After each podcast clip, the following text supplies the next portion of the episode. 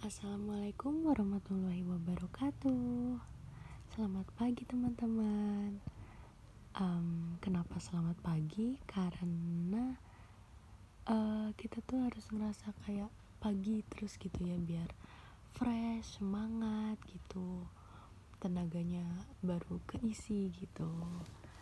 Nah, teman-teman, uh, sekarang lagi pada sibuk ngapain nih? Uh, sekarang udah tatap muka ya sekolahnya.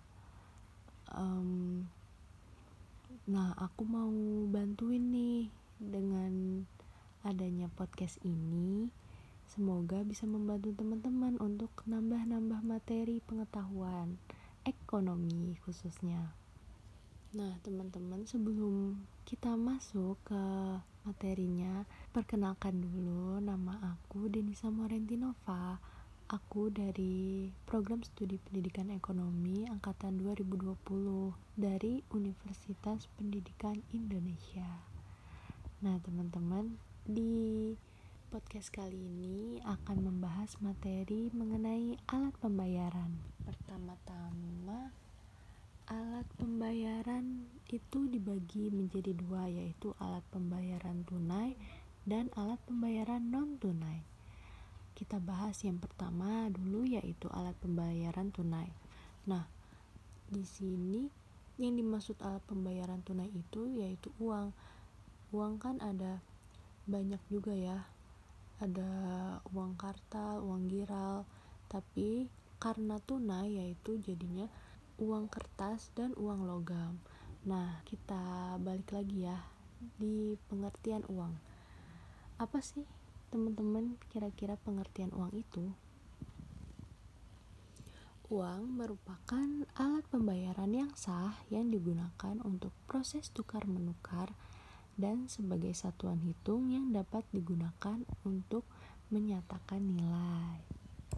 Nah, setelah itu ada juga apa sih syarat-syarat yang bisa menjadikan barang disebut sebagai uang gitu.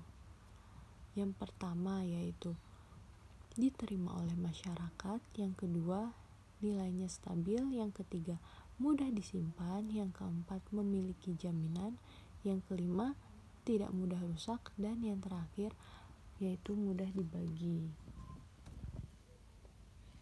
Nah, fungsi-fungsi uang yaitu yang pertama ada sebagai alat tukar, artinya berfungsi untuk membeli atau menukar barang dan jasa. Yang kedua ada alat satuan hitung, artinya berfungsi sebagai satuan hitung untuk membeli barang atau jasa.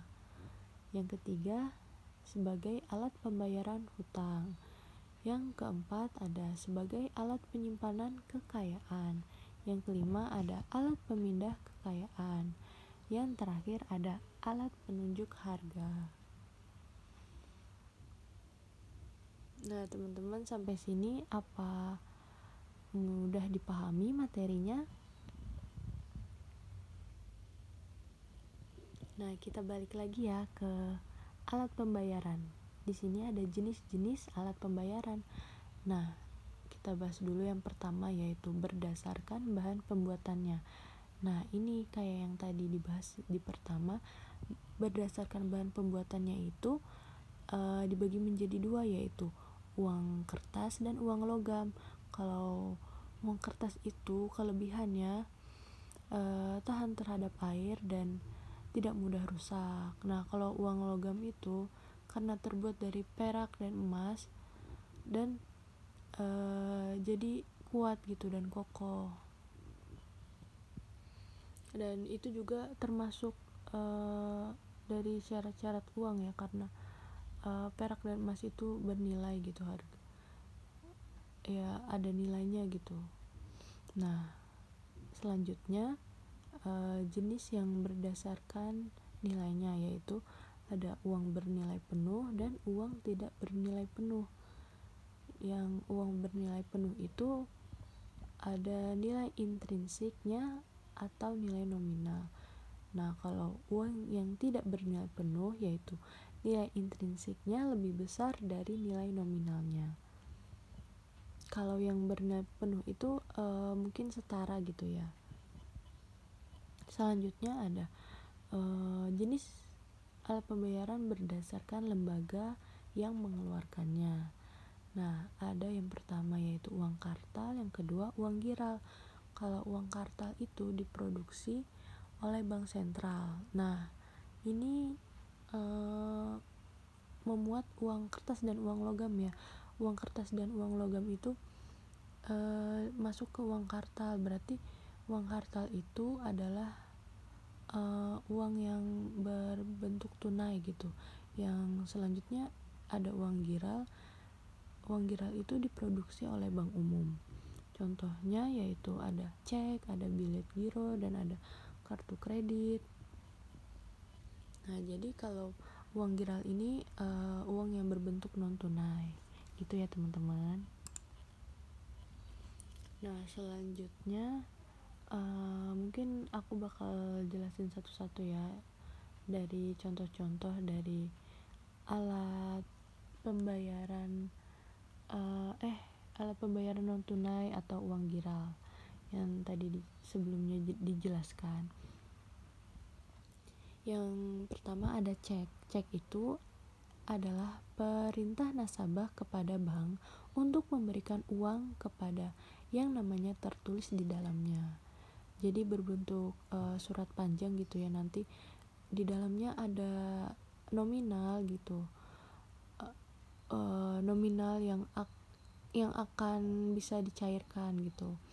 Nah, selanjutnya ada bilet giro yaitu surat perintah dari nasabah kepada bank untuk memindah bukukan sebagian dana yang ada di rekeningnya kepada penerima. Uh, cek dan bilet giro ini uh, sama tapi uh, berbeda ya teman-teman soalnya kalau cek itu lang bisa langsung dicairkan oleh bank terkait kalau bilet giro itu uh, saldonya dapat dicairkan pada waktu yang tertera gitu. Uh, selanjutnya ada kartu gitu ya. Uh, kartu di sini kartu ATM kartu ATM ini adalah alat pembayaran menggunakan kartu untuk melakukan penarikan dana tunai pemindahan dana dengan mengurangi simpanan yang dimiliki oleh si pemilik jadi uh, di kartu ATM ya seperti yang teman-teman tahu ya uh, menyimpan saldo sejumlah saldo yang dapat digunakan gitu dengan adanya kartu ATM tersebut. Namun uh, kini juga udah ada ya kayak uh, imani gitu. Atau enggak ada m banking gitu. Enggak yang enggak perlu menggunakan kartu untuk melakukan transaksi. Nah di selanjutnya ada macam-macam kartu juga ya. Yang pertama ada kartu debit. Nah ini uh, fungsinya untuk melakukan pembayaran atas kewajiban yang timbul dari adanya suatu transaksi ekonomi yaitu contohnya pembelanjaan. Jadi uh, kartu debit itu akan mengurangi saldo gitu jika melakukan transaksi atau melakukan pembelian gitu ya teman-teman. Kalau kartu kredit itu uh, menggunakan kartunya itu sifatnya hutang gitu. Yang di dalamnya terdapat bunga. Contohnya kayak 3% sampai 5% nah ada kartu ATM debit yaitu alat pembayaran gabungan antara ATM dan kartu debit gitu sehingga memiliki fungsi yang lebih banyak daripada kartu ATM biasanya. Nah selanjutnya yang terakhir itu ada uang elektronik ya teman-teman yang biasa digunakan di handphone teman-teman ya uh, jadi lebih mudah gitu dan lebih praktis. Nah apa penjelasannya mudah dipahami teman-teman? Semoga uh, semoga dapat dipahami ya. Mohon maaf apabila penjelasannya terlalu cepat atau uh, banyak kurang-kurangnya. Semoga temen dengan adanya podcast ini teman-teman terbantu dan uh, aku Denisa Morentinova pamit undur diri. Sampai ketemu lagi